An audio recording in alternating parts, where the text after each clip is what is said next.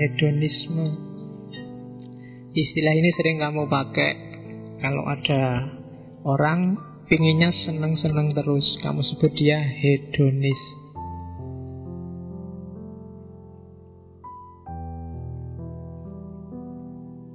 Prinsipnya hedonisme secara umum memang dua, yaitu the pursuit of pleasure, nyari seneng. Jadi seneng itu jembatan paling gampang untuk menuju bahagia. Dan bagi orang hedonis, seneng itulah kebahagiaan. Tidak mungkin dibalik. Tidak mungkin jadi seneng itu kebahagiaan atau jalan menuju kebahagiaan. Tapi tidak seneng itu tidak mungkin kamu nyampe ke kebahagiaan. Oke. Jadi bahagia itu apa sih? Senang itu apa sih? Nanti kita lihat. Jadi hedonisme itu teori yang menyatakan bahwa kesenangan adalah kebaikan tertinggi dan tujuannya orang hidup. Orang hidup itu tujuannya ya nyari seneng. Gak ada. Seperti tadi kamu tak tanya siapa yang gak ingin bahagia. Sama kalau kamu siapa yang gak ingin seneng. Semua ingin seneng, ingin pleasure Baik yang jalan-jalan tadi di luar maupun yang ngaji hari ini. Kalau kamu ngerti ngaji ini Ngaji itu gak sewenang, gak enak. Ngantuk. Pasti kamu nggak akan datang ke sini atau seandainya datang mesti kepekso setiap orang nyari seneng. Katanya orang hedonis ada jargon yang sangat terkenal dari tokohnya hedonisme Epicurus. Dia bilang life is good. Make sure to enjoy it. Hidup ini bagus hidup ini indah. Pastikan kamu menikmatinya.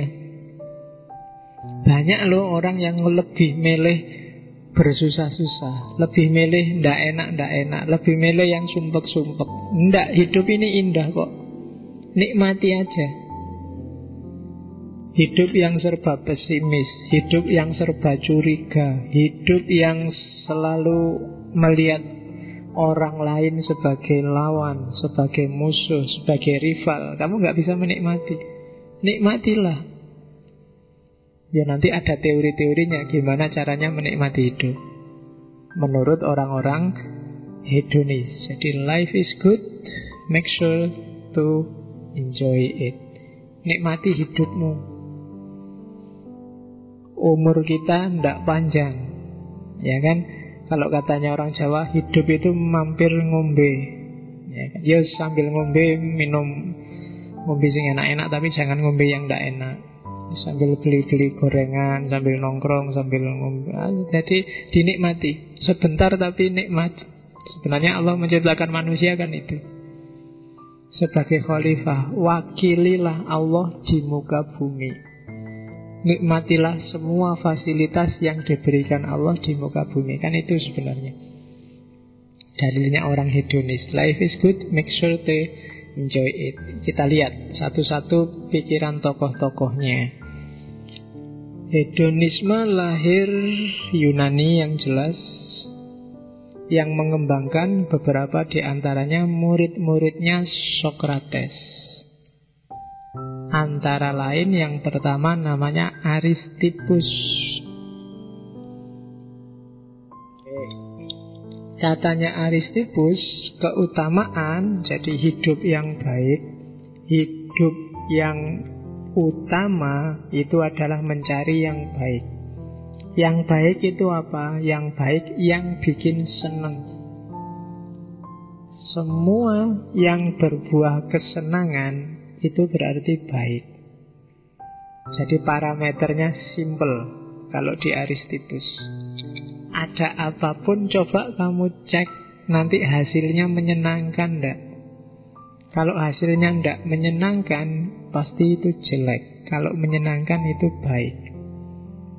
Jujur misalnya, kamu kan kadang bingung, Pak kok rumit ya Pak, ada jujur yang boleh, ada jujur yang tidak boleh. Kan kamu sering diceritain gitu.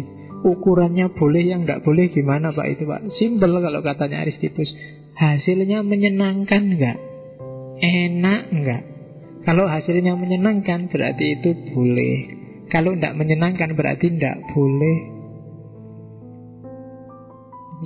Ngomong apa adanya itu kan bagus, tapi kadang-kadang juga jelek. Ngukurnya gimana? Hasilnya aja menyenangkan nggak?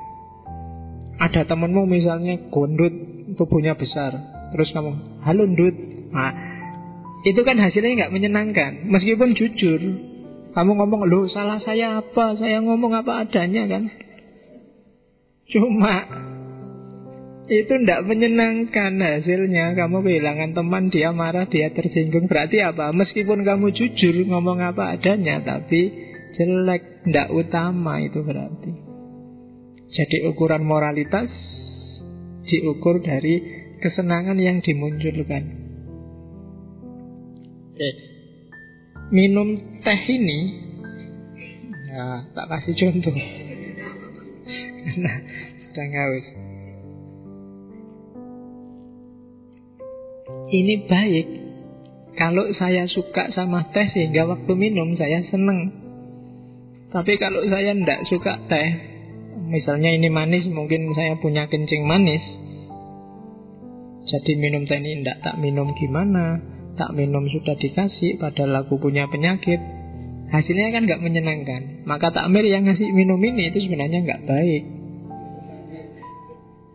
Atau tiap rebu kok teh terus sekali-sekali ganti opo kayak misalnya Loh, ibu, yo iki contoh. Lo ya kan, lo padahal tadi niatnya apa? Cuma kok hasilnya ndak bagus. Berarti tidak utama. Itu teorinya Aristippus. Lah yang ngukur menyenangkan apa tidak menyenangkan itu apa? Yo akal. Manusia kan dikasih akal. Dengan akal dia harus ngukur apakah yang didapat kesenangan atau kesusahan. Kalau itu kesenangan berarti baik, kalau itu kesusahan berarti jelek. Nah, katanya Aristippus juga kesenangan itu sifatnya aktual. Jangan ngukur kesenangan yang potensial. Aktual itu maksudnya apa? Senang sekarang di sini. Bukan senang besok juga bukan senang dulu. Kalau senang besok itu tidak jelas. Iya kalau senang beneran Kalau enggak. Kalau senang yang dulu itu sudah lewat. Senang dulu itu berarti katanya Aristippus hanya ingatan akan kesenangan. Kalau senang yang akan datang itu senang yang belum jelas. Jadi harus akal mengukur mana yang menghasilkan kesenangan sekarang dan di sini. Bukan kesenangan dulu atau kesenangan besok. Loh Pak, dulu dikasih teh enggak apa-apa toh Pak? Ya, dulu kan, sudah lewat. Sekarang, loh Pak, teh itu sehat loh Pak. Tiga tahun lagi kalau Bapak rajin minum teh, nanti apanya jadi semakin Ya kan besok tiga tahun lagi Sekarang itu loh jadi kesenangannya ngitungnya sekarang. Misalnya kamu tadi temenmu yang kamu panggil halo gendut, itu dia marah-marah, lu jangan marah. Kalau kamu tak bilangnya gini terus besok mentalmu akan kuat kalau ada yang bilangin kamu gendut. Iya besok. Tapi ngukurnya sekarang. Sekarang dia tersinggung, maka sekarang itu jelek. Jadi kesenangannya harus aktual. Jadi perbuatan itu baik kalau dia melahirkan kesenangan yang aktual. Yang bisa dirasakan sekarang dan hari ini. Nah itu hedonisme Aristippus Cuma seneng ya seneng. Hati-hati kesenangan itu bisa jadi kebalikannya kalau orang tidak tahu batas Mangan itu seneng, enak Kamu kan senang makan. Cuma kalau kamu nggak tahu batas, dia jadi penyakit. Jadi cari kesenangan yang aktual, cuma ketahuilah batasmu, kapasitasmu. Di situ kamu akan ketemu kebahagiaan.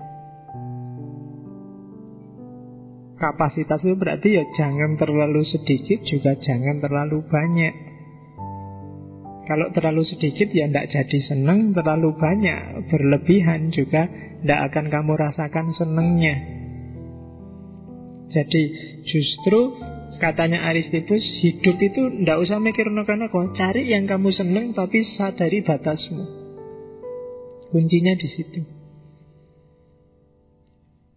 Tidak usah underestimate, tidak usah overestimate. Kamu ukur aja batasmu sampai apa. Kalau makan bagi kamu satu piring sudah kenyang, ya sudah, jangan dua piring. Apalagi tiga piring. Kadang-kadang kan kamu gitu, mumpung gratis. Mumpung ono sing traktir. Eman-eman pak, eman-eman tapi tidak ada nikmatnya nanti. Justru nikmat itu kalau kamu ngerti batasmu Makanya Nabi kan wanti-wanti makan Berhentilah sebelum kenyang Enak kalau berhenti sebelum kenyang. Kalau sudah kenyang kamu tidak enak. Makanan kehilangan rasanya. Oke, kan kehidupan dunia itu kan gitu. Enak kalau kamu teruskan kamu jadi jemu. Kalau kamu teruskan kamu bisa jadi benci. Jadi harus harus kalau makanan dia bisa jadi penyakit. Gula itu penting, kebanyakan gula jadi penyakit. Garam itu penting, kebanyakan garam jadi penyakit. Air putih itu loh penting, tapi coba kebanyakan air putih, dia jadi penyakit. Maka kamu harus tahu batas. Nafas juga penting, tapi kebanyakan nafas, pakai angin, kamu masuk angin. jadi penyakit. Ya kan? Apalagi nafasnya banyak nggak bisa keluar-keluar di dalam anginnya, penyakit juga. Jadi Carilah kesenangan yang aktual, akalnya dipakai untuk mengukur dan sadari batasmu. Kalau kamu bisa menjalankan rumus ini, kamu akan bahagia. Jangankan yang itu, wong yang jelas seneng-seneng misalnya guyon, gurau. Itu kalau kebanyakan juga tidak enak. Kadang-kadang berakhir dengan tersinggung, berakhir dengan gegeran, kamu bisa kehilangan teman gara-gara gurauan. Kenapa? Kamu limitnya kelewatan. Harus sadar batas. Meskipun tadi awalnya seneng-seneng. Oke, jadi itu tokoh pertama dari hedonisme. Haris Tipus.